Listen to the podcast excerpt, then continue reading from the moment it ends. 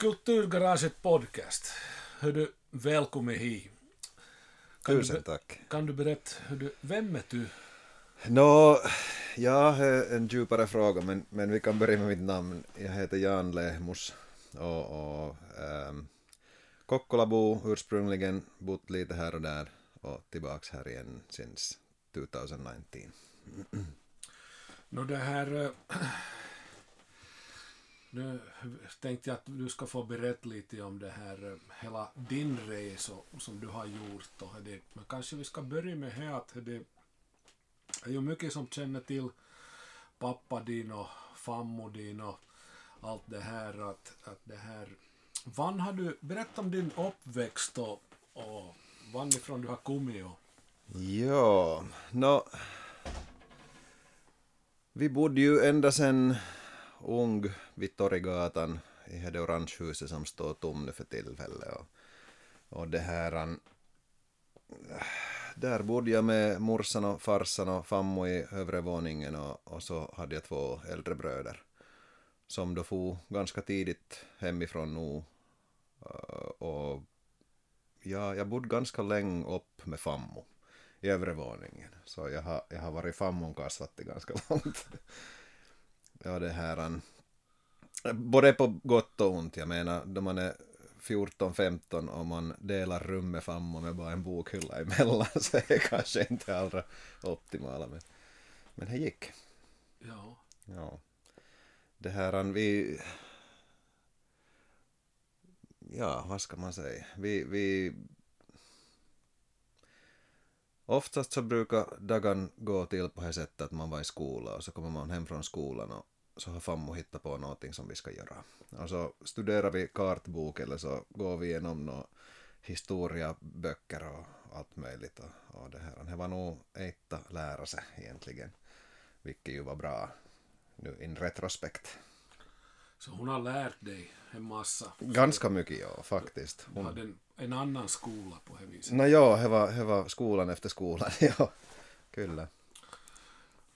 Jag- Jag har förstått, eller vet jag rätt med om du har fel, men hon var sån där eh, ambitiös och hade mycket på gång och Ja, hon var nog här. Hon hade nog ganska mycket på gång hela tiden och, och, och hon har nog haft ett ganska rikt liv i, i, så det är när man tänker på experience. Hon har nog mycket erfarenhet av allt möjligt. En människa som har gått igenom kriget och, och närmaste människorna i livet dör för ung. Eh, olyckorna och, och har varit elände och, och sen igen förstås så on the flip side of the coin så där har nog funnits då mycket, mycket bra också. ja. Så det här, jag måste nog säga att jag respekterar henne ganska hårt. Ja, kiva. Och pappa din var en kulturprofil här i stan. Ja, han var, han var här.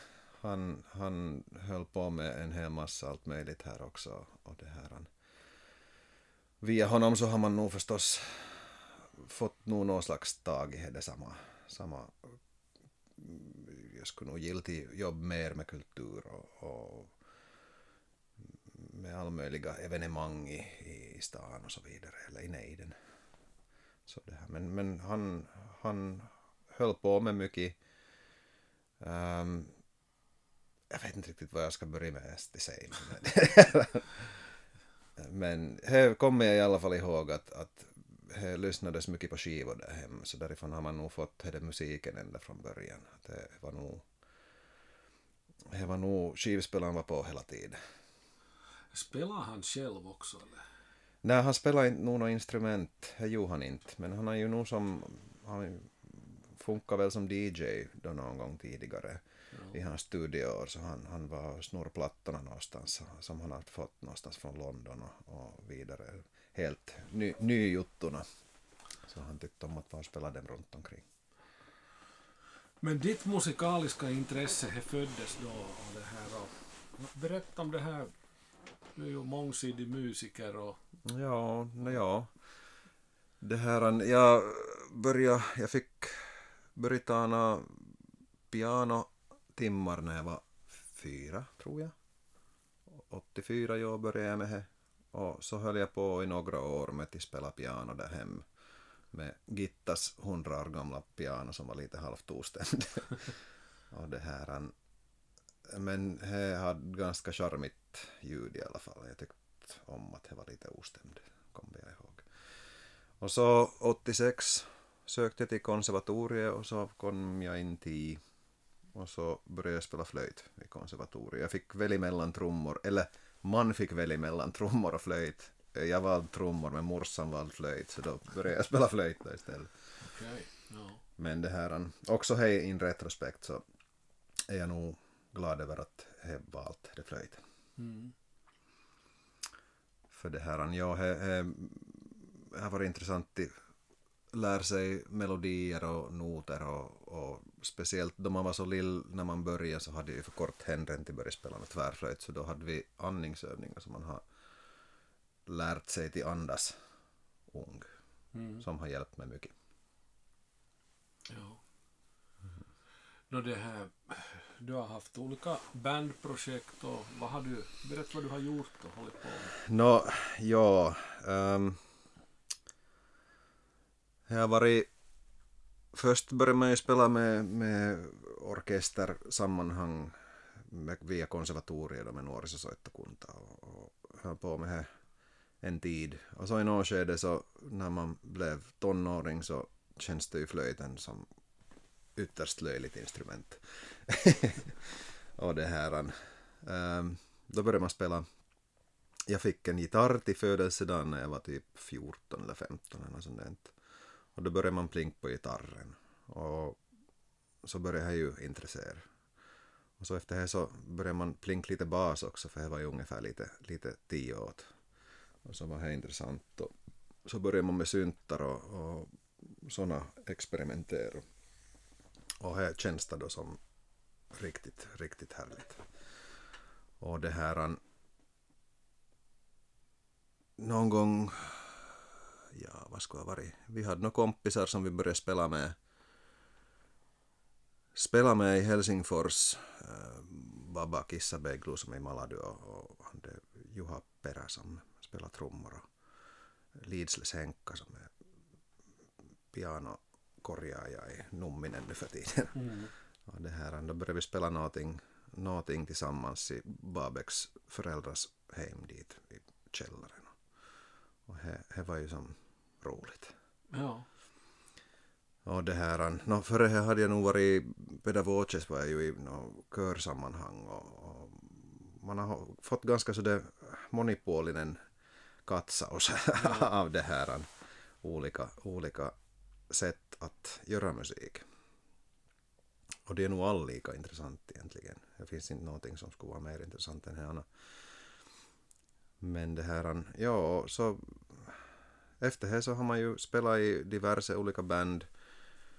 Sparrows med Hokkala Santti Kokkola och, och, så har man ju varit studiemusiker åt, åt en massa band, olika skivor och, och allt möjligt som inte jag ens kommer ihåg mm. exakt vad man har gjort med. Men det här, och så har man spelat för sig själv ganska så mycket. Jag har ju som full utrustning där hem som jag kan spela lite vad jag vill. Det finns gitarrer och baser och syntar och vokalgrejer och, och sånt som man har nu spelat in i senaste tio åren. Ja. Och det här, men här, eftersom man jobbar så mycket och man har så mycket annat på gång så är bruk lämnighet att man bara spelar in och så är det dit på hårdskivan. Så jag Ja. Men det finns ju att ta från sen. ja. Och du är ju säkert, jag vet inte om du, är- du är enda som jag vet i den här stan som håller på med ambient musik. Eller, Ai ja, det finns no, det, det, det är många som säger att Kokkola on Suomen ambient pääkaupunki Ah, nu ja, för tiden, okej, vilket är intressant för, för det här. Inte tycker jag det finns så många heller, men, men jag vet inte, man träffar inte så mycket ambient musiker i Kokkola som så det.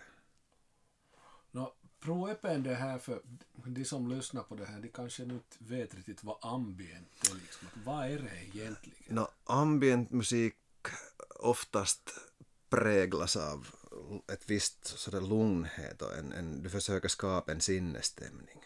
Du försöker skapa äh, creating moods basically.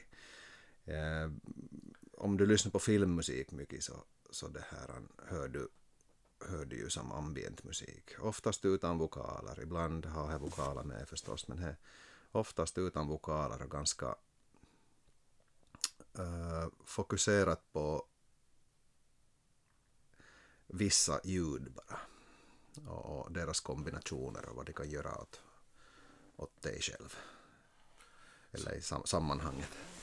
Så det är som mer frågan om som det är mood. Ja, det är nog mest moods som man talar om där. Och det känns som det är skönt ibland att sitta och lyssna på bara vissa frekvenser som har en viss effekt på dig utan vokaler och så får du ju funder själv ut lite hur du känner dig och vad, vad gör det här åt mig och varför gör det här det här åt mig. Ja. Så är på något vis intressant att gå lite djupare in i, in i vad jag kan göra åt din hälsa och så vidare. Ja. ja. Då det här, hur, hur mycket finns det som alltså marknad och, och för sån här musik eller vad, vad ska vi prata om? Nå. Finns det någon marknad eller? Nu finns det väl någon marknad men inte har jag hittat det i alla fall ännu. det här, inte- jag gör nog bara hittills for my own pleasure. Och det här, nu har jag vissa kompisar som vi håller på med nu. Vi har ett projekt med Tuomas Ronakari som, som heter Pyramida som vi har gått lite djupare in i och försöker, försöker studera lite vilka frekvenser gör vad åt dina hjärnvågor. Och så, så skulle man kunna försöka hitta olika sätt i till exempel lindra ångest eller lindra mm, nå, pressande känslor genom vissa frekvenser. Mm. Och samma med glädje, att du kan ju som skapa glädje eller skapa en viss ett stadie av kreativitet som, som du kan känna att du öppnar dig lite bättre åt, åt den kreativa sidan bara med, med olika ljudkombinationer. basically. Binaural beats och, och frekvenser. Ja, intressant det här med olika hertz är ju helt klart att det Ja. påverkar och Ja, ja, inverkar. ju. absolut. Och det är ju enda saken som inte vi kan stänga av. Jag menar, om vi stänger ögonen så kan vi ju som inte behöver se det som är framför oss. Men, men ljud kan man inte stänga av. Jag har en bekant här i, i stan eller som det här, han är lärare i, i, i det här i ammattikoulu på det här eh, på det elektronik, elektroniksidan. Och Ja. han, brukar säga här att för de här ungdomarna blir allt för vilda och han får inte fram eller får inte här kontakt med dem så det så lägger han riktigt hög frekvens lägger han genom det här högtalare Mm. och det blir det tyst. Mm. Och här här är en så pass hög frekvens som vi hör inte i vår ålder mer. Här Nej. tar bort, det finns inte mer. Vi, vi hör inte det. Mm. Mm. Men de hör det. Och det är som att, vad är det här? Mm. Ja. Ja, det, det kan jag nog förstå. Smart. Smart. Ja. Ja, nej, men det är nog allt möjligt. Det är som inte bara musik som intresserar utan det är nog, det är nog ljud och, och jag har ju varit haft möjligheten till att vara runt omkring i världen ganska mycket och, och så har jag haft med, med det här äh, olika fältinspelningsutrustning och så har jag ju som kartlagd lite hur världen låter egentligen så här finns allmöjliga urbana landskap och, och någonstans i landsbygden och in the middle of nowhere som låter olika sätt. Det är skönt att få någonstans ut. Sök en tyst plats där det inte finns för mycket man-made noise och bara sitta och lyssna hur världen låter på olika ställen. Vad ska du göra med de här inspelningarna? No, jag har använt dem till olika projekt. Jag hade nu något projekt i konsthallen som jag hade gjort åt två bildkonstartister. Så där hade jag till exempel använt på, det var en sån timmes, timmes loop som jag hade gjort av olika ljudklipp som jag hade från olika ställen, delar av världen och, och, och kombinerat med en viss eh, känsla som jag kommer ihåg att jag hade på de där olika ställen och så har jag försökt improvisera till med olika instrument, saker. Egentligen spegla hur jag känner mig under den tiden som jag satt där. Ja, no, det här kan man säga så här att istället för här att du det är ju en slags kompositioner de här. Men Nej, istä, ja. istället för att det nu är en uh, sång så du komponerar ljudmiljö. Ja, ja. Eh, well put. Ja, ja intressant. Ja.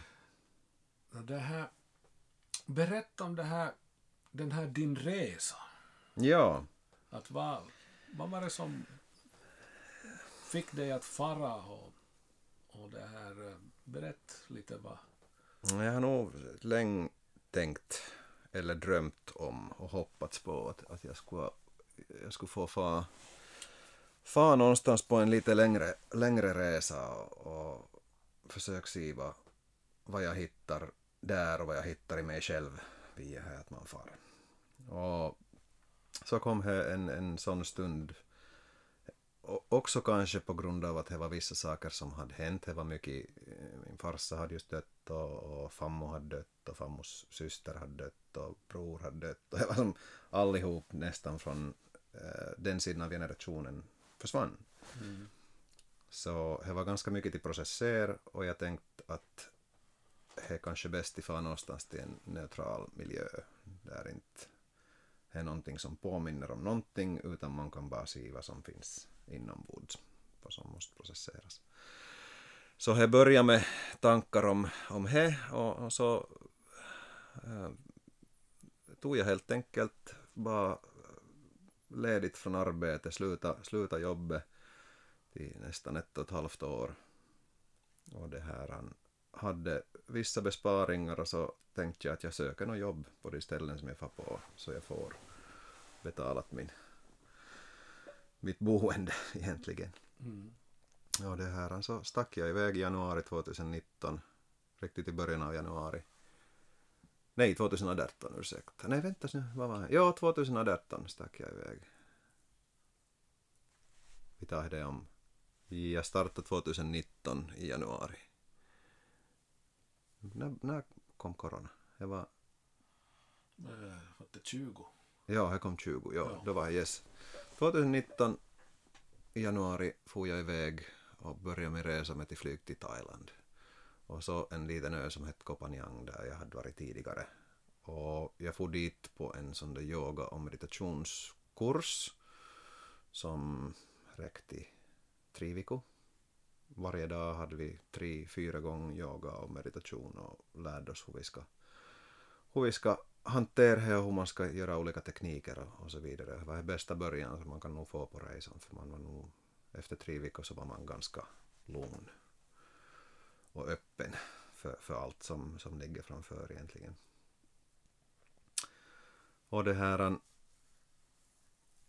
jag hade ju musikutrustning med, ehm, jag hade en sån där 25 kilos gulan plastlådor med, med all möjlig syntan och mickan och, och det här små grejer som jag hade använt då under resan här och där. Och samtidigt som jag har spelat in eh, fältinspelningar så har jag kunnat kombinera dem där på resan. Och så har man ju träffat en hel massa musikerkompisar och, och man har gjort kollaborationer med folk och man har spelat in dem som jag har nu ännu kvar till, till börja processera. Det finns så mycket att gå igenom så här det här. Det tar sin tid men, men det finns tid. Så inte, jag, jag har inte brått någonstans. Det här... an- Ja, äh, det började långt, resan. Och efter det så, så då åkte jag iväg från Thailand till äh, Singapore, så var jag där några dagar. Men det känns lite för hektiskt under den tiden. Jag var i ett sånt stadie av lugn efter all meditation och yoga att, att det här och att, att sitta i djungeln vet du, och läsa bok och inte bara få vara. Det var helt ofatt, ofattbart härligt. Och så var det en hel massa habab och härlingar på gång då man kommer till en sån storstad och känns det kanske inte inte som det bästa alternativet så bestämde jag att jag flyger först till Australien och så var jag i Australien i, i några veckor i Sydney och i omgivningen runt omkring. Och jag skrev ju någon artikel då under tiden till Kokkola-lehti från de här olika ställen som jag var på. Och så har jag ju skrivit någon slags journal för mig själv. Och så var det några grafiska grejer som man har gjort under resan och loggorna och, och saker som man har fått då.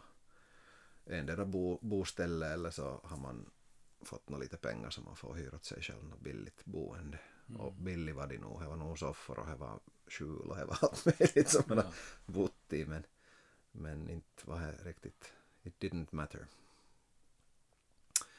Uh, efter Australien så får jag sen till Nya Zeeland och i Nya Zeeland så får jag från norra sidan av ön ända på no norra ön så får jag från nordsidan till sydsidan och så får jag med, med det här uh, lautta över och, och så var jag ännu genom det hela södra sidan av ön.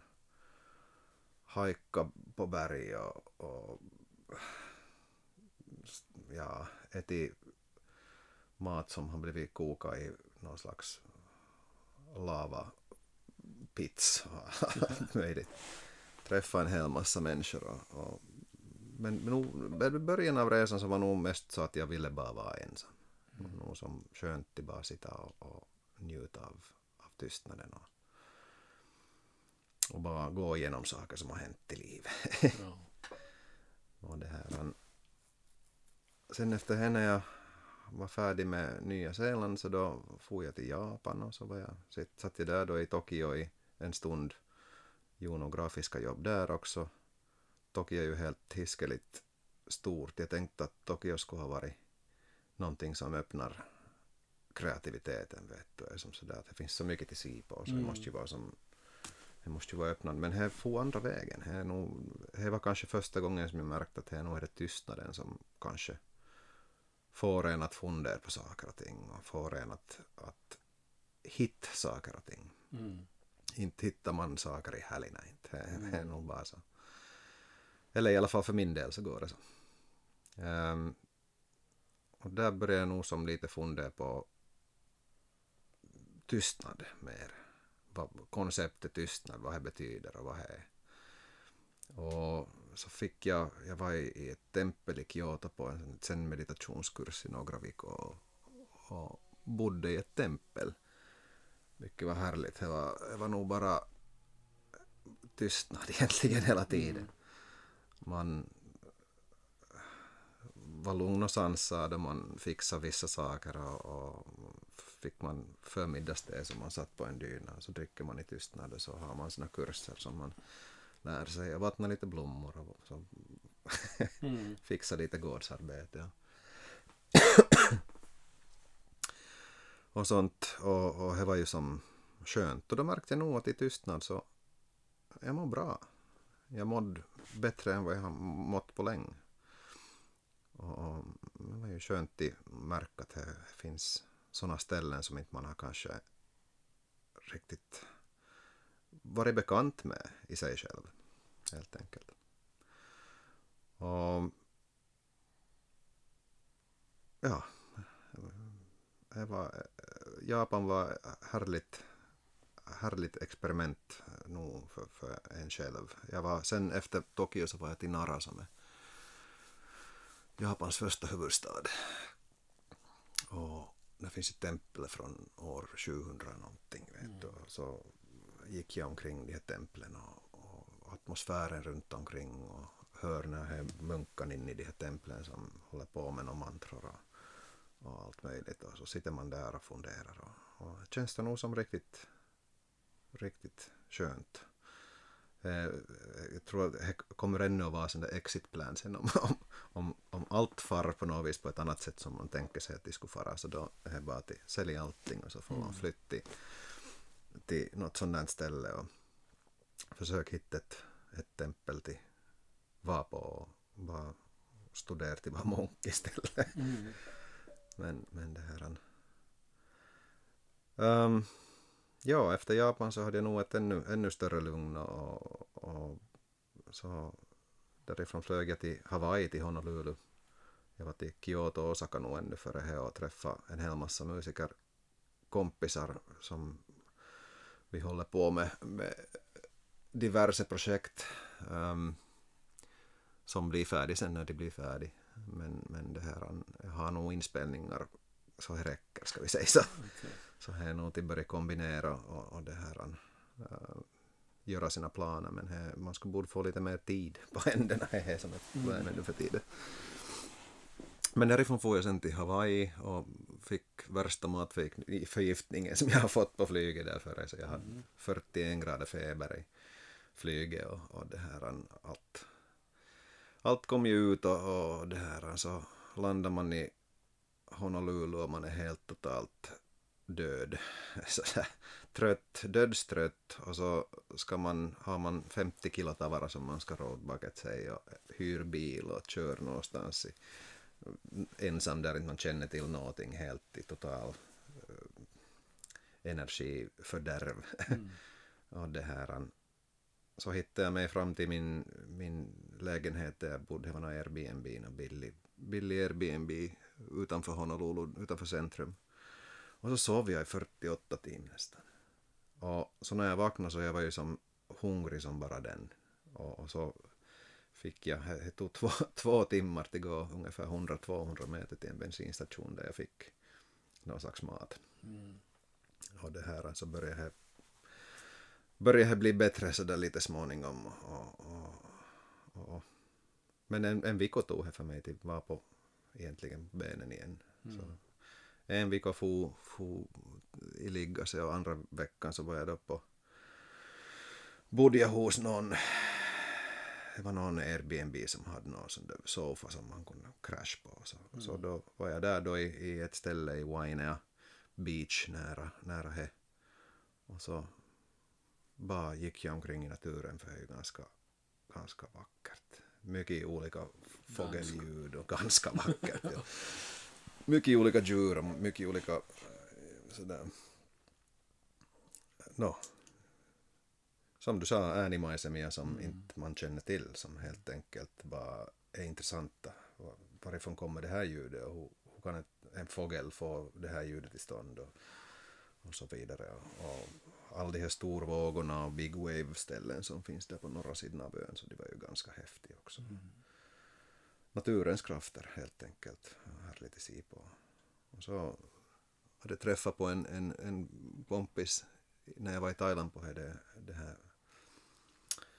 yoga-retriten så hade jag träffat en, en kompis från Kanada och, och det här, hon kom då med eh, sin bil och, och jag, jag flög till Vancouver därifrån och så var jag i Vancouver i ja, några dagar.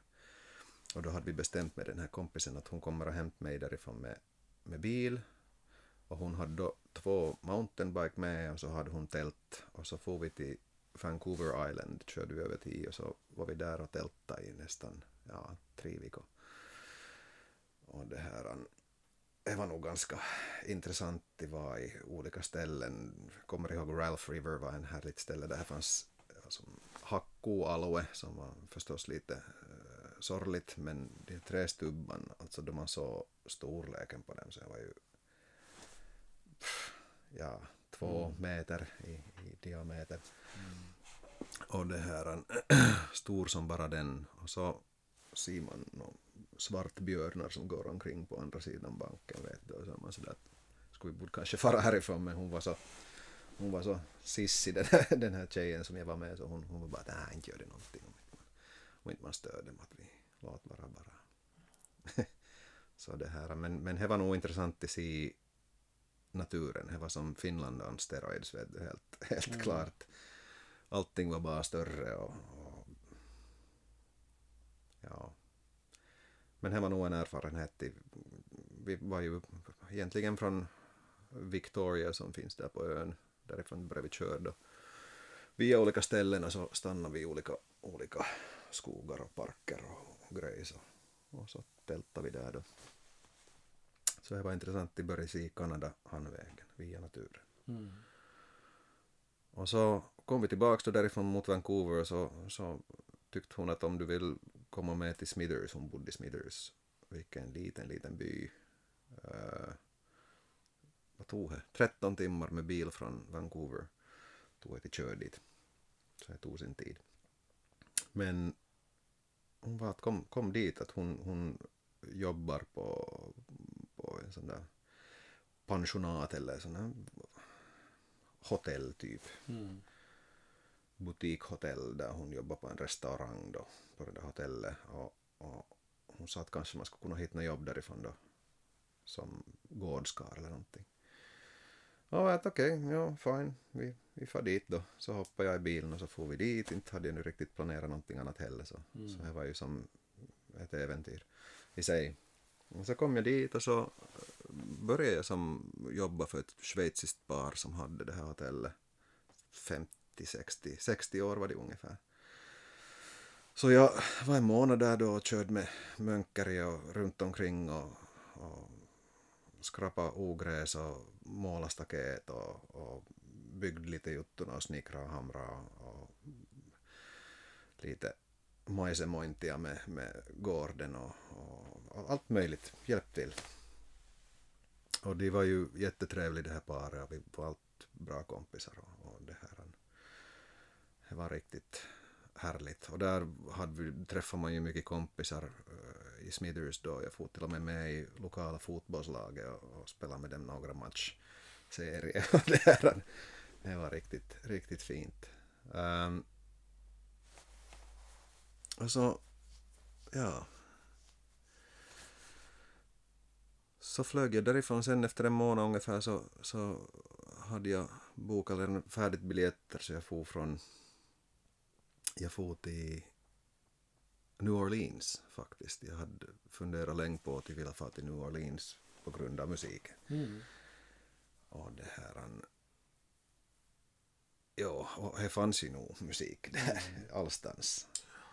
Och det var faktiskt nog härligt till, till hör så bra musiker. Vart än man for så var de så bra. Det var så som det finns ju inget häftigare än New Orleans. Nej, det var nog faktiskt en erfarenhet. Och det här, Leroy Jones heter han väl, Leroy. Mm. Så det här, han, han, Palm Court heter ju det här ena legendariska stället där jazzmusiker har varit och spelat. Så det var nog häftigt att sitta där och höra ordentlig jazzband med folk som sitter i lugn och ro och lyssnar. Mm. Och riktigt ta tid och det hela atmosfären, man kan ju som känna att, att det har varit så mycket rik musikhistoria ja. på det stället. Och det här, det var nog skönt. Mycket skivaffärer och mycket allt möjligt som man kunde gå omkring med. Och inte, som tur så hade jag ju som små väskor med mig och det rymste inte mer än vad det fanns där. Så man kunde inte köpa något och inte handla om pengar heller så det var ju bra med det. Men det här... Ja, så där, där var jag. Jag var chaufför en stund, fick nog lite pengar därifrån. Jag, var, jag körde omkring en, en, en typ uh, hans tavara som han skickade omkring vet du, mm. Så, så där lähetti mm. egentligen. Så där gjorde jag en stund och, och det här så får jag därifrån till Kuba och inte blev det något värre musiksätt ska vi säga så. Att inte har man nu vilken som helst perkussionist som man hörde i vilket som helst, helst bar eller pub eller på gatan eller i en övre våning av en lägenhet som man går förbi. Skulle kunna plocka vem som helst därifrån hit och de skulle klara sig hur bra som helst med vilket sammanhang som helst. Mm. Deras rytmsinne är nog någonting helt, helt annorlunda. Så det här, där träffade jag då på, det var en polsk DJ som har jobbat i Havanna länge. Så honom träffade jag, jag kommer inte ihåg hur vi träffade. Via någonting kommer jag ihåg att vi träffade. Säkert någon fest. Mm. och så det här så började jag då strula med honom där då och, och, och började han presentera mig åt, åt några lokala musiker och, och så började jag ju fan med dem då och lyssna på olika, olika gigs som de hade på olika små ställen här och där i Havanna vid sidan om, om Havanna. Och det här, fanken vad det var bra. Mm. Och det hade härligt, det hade, varje vecka så hade de, i alla fall två, tre gånger på kvällen, så hade de en lokal som de for till hela porok. Och satt de där och drack rom och spelade musik. Mm. De bara spelade musik. Och var tillsammans. Det är nog som sån där yhteisöllisyys och, och, och samvaro som man, man har inte riktigt känt något tokigt. Det var, det var olika än vad man själv är van med. Mm. Man är ganska sådär privat själv här i, i, Finland. Men sen märker man nog att om man är på olika ställen med olika människor så då blir man annorlunda. Mm. Så man öppnar sig, öppnar sig kanske lite mer. Och ja, där, där spelar jag nog in mycket, mycket folk och de var alla happy to, happy to help. Vet. Och jag sa att jag vet inte riktigt ännu vad jag ska göra med det här men, men det här, vi, får, vi får se, time will tell. Mm. Men, men ja, jag är glad att jag träffar så mycket, mycket människor där också. Och, och var till Havanna och så var jag till Santiago de Cuba. Uh, ungefär en månad var jag tillsammans på båda ställen. Och det var nog var nog bussresan till Santiago de Cuba var också tio timmar och, och så var det som airconditioning var endera on eller off. Och om det var on så var det så kallt så att man fick linda in sig vet du, i all möjlig paltorna som man hade. Och det här, om det var off så då det var ju 40 grader ut så det var som man måste ha en nästan på hela tiden. Mm. Men det här, ja. Uh, från Kuba så får jag sen till Florida. Eh, uh, var i Miami och, och, i handtrakten en stund. Och så var meningen att, att fara därifrån uh, längs med östkusten av USA. Men så hade den här, det här schweiziska paret som jag hade jobbat hos i, i Kanada så de ringde åt mig och de hade, de hade här haft en, en familjeolycka där i, i Schweiz och de måste få dit, eller gubben måste få dit, så frågade han om jag skulle vilja komma och, och take over the ropes en stund där då, Just det. under tiden som han är bort. Så jag var ju, jag tänkte ju att varför inte, Mm. det skulle ju passa sig bra. Jag gillar nog det stället så mycket också, att det var fem för att jag skulle lämna dit överhuvudtaget. Ja. Men det här, så tänkte jag att "Nå, men jag får ju få tillbaks dit och så tjänar jag lite pengar igen och får nog lite jobb. Och det här, han, där fortsatte man då till padel och hike och ped och gå. Det var nog bara äta utvara sig. Ja, ja. Och det var härligt som bara den. Inspirerande. Lärde mig till rid häst. Jag var, vi var på något hevostalli och så fick jag då pröv först med en häst och så var en sån där 75-80-årig gubb som lärde mig och så hoppade jag på hästen och så sa han vad man ska göra och så började jag få med det där då på i det stängslet och så var han bara tyst där i någon timme och så sa han efter det bara att jag har aldrig sett någon som skulle bara som hoppa på en häst och så är bra, bra med det. Mm. Att det är som. Och så nästa dag så hoppade vi då med den här bekanta som jag var med där så, så det här får vi då rid längs med olika steppar i Smithers och upp längs några bergsväggarna och eh, bergsväggar med rutter runt Mm. berg och, och red alltså ut i naturen. Det var nog helt ofattbart skönt det också. Mm. Skönt att komma ihåg de här sakerna faktiskt och tänkt på dem igen. Good memories. Ja, efter det så, när jag var färdig med det, så får jag till västkusten av USA till Kalifornien, San Francisco, äh, Los Angeles och, och hit. Det var ju som no, stora ställen Mm. häftiga ställen, stora ställen, mycket till se på. Men det, det är nog, jag hade nog märkt att de här stora ställen har, jag, jag vet inte riktigt hur jag ska navigera i dem. Mm. små, små städer och byar så det är nog på något vis mer min miljö. Och det här.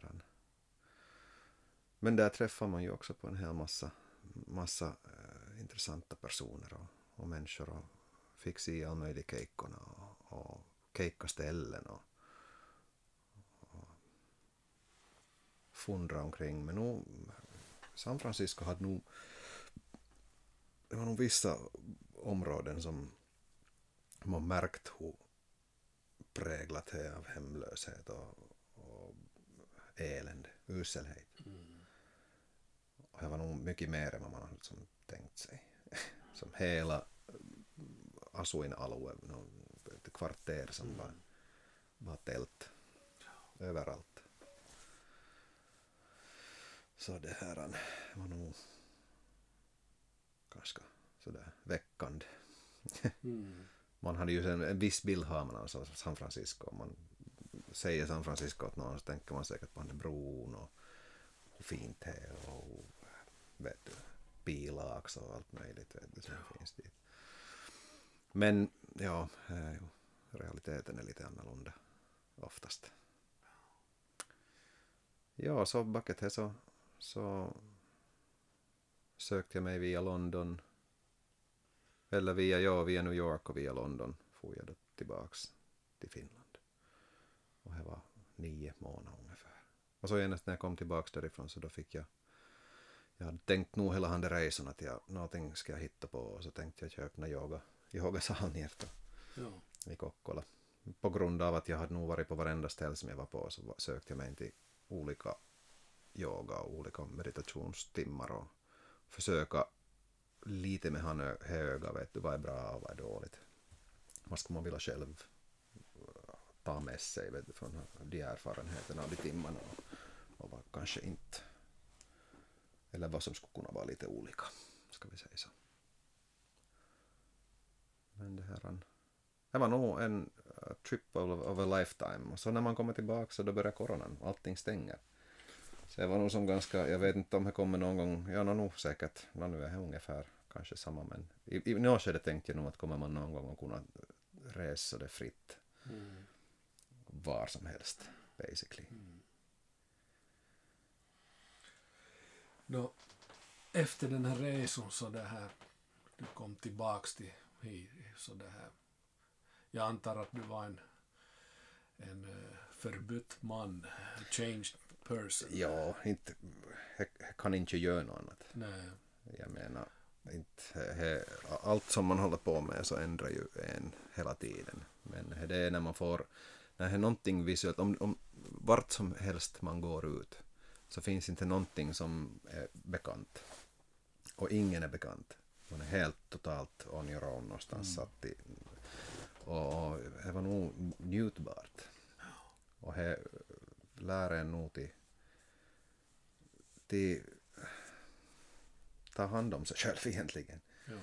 Vet du, hitta på någonting att göra så du mår bättre eller så du får pengar på bordet eller så. Någonting. Men du hittade dig själv? No, jag hittade en, den själv som jag var då. Ja. Nu har jag ändrats igen. Ja. Men det här, ja. man ändras ju hela tiden. Men nu, nu hittar jag mig själv. Jag, jag hittar nog sådana ställen som inte jag hade sett förut. Ja. Ska vi säga så. Mm. Och det hjälper nog framöver i resten av livet. Ja. Så det var nog inte... Det var det bästa som jag har gjort hittills i mitt liv, ska vi säga så. Det var nog verkligen det. Ja. Nå, nu driver du yogasal. Ja. I Kokkola och det här och, och det här, hur är det? Nå, inte är nu lätt, ska vi säga så. Eh, jag, jag hade nog en, en sån tanke att, att det här... Nå, coronan var ju en sak som, som var nog lite sådär sekottava då man fick stänga dörren till nästan ett år och, och kostnader har man ju i alla fall och, och, och motivationen ska vi säga dyker ganska djupt ner under minusstrecket mm. när, när det bara går framåt och framåt och så försöker man ordna någonting och så annulleras det just vid sista stund och så mm. tänker man att vad är det för vits till göra överhuvudtaget någonting. Ja. Jag har alla största delen haft väl ungefär samma erfarenhet. Eller många har haft ska vi säga så. Ja. Men det lär ju en också någonting. Så, ja. så det här, och ännu finns vi till så vi, vi existerar. Det är ju som skönt. Så tack bara för all, all vakiotyper som, som håller oss på benen. ja, det här... Hur, hur, hur ska man få budskapet ut till folk i, i, det här, i, i trakterna om vad det här är och få dem att bli intresserade av det? Ja, that's the million dollar question. det här uh, är säkert, no, vi är ju ändå så det är väldigt konservativa här mm. i det här mm. området liksom. Så det... Ja. ja, nu har man fått vissa e-poster också om, om vad, vad vi, ketä me palvotaan och, och så vidare och så vidare. Men det är folk som oftast inte riktigt vet, så de är rädda. No, de förstår ju inte vad, Nej. pratas om. Det är ju så. det. Ja. Så det. Ja. Men det här har inte, inte vet jag, här nu man hoppas ju på att, att de som, vi har ju byggt det utrymme till att vara bekvämt och fint och lugnande. Mm. Mycket växter och, och, inte för mycket till si på, mm. inte för mycket virke Och nog har de som har varit där så har nog tyckt att stället är bra och det finns ju som inte ofantligt mycket skolade yogalärare i Kokkola. Det finns ju som... Jag, jag tänkte att det skulle ha funnits ännu mer. Mm. Men de som, de som har, jag har fått med på det så det är ju nog härliga. Det är ju nog bra på det som de gör. Men ja, om, om jag skulle nu vilja försöka kitta ut det här till någonting så jag är nog glad att, att det kom upp det här hela grejen och att jag lärde mig, har lärt mig en hel massa av, av, av det här att, att ha ett, börja ett företag, starta ett företag. Men jag känner nog att jag, ja det här,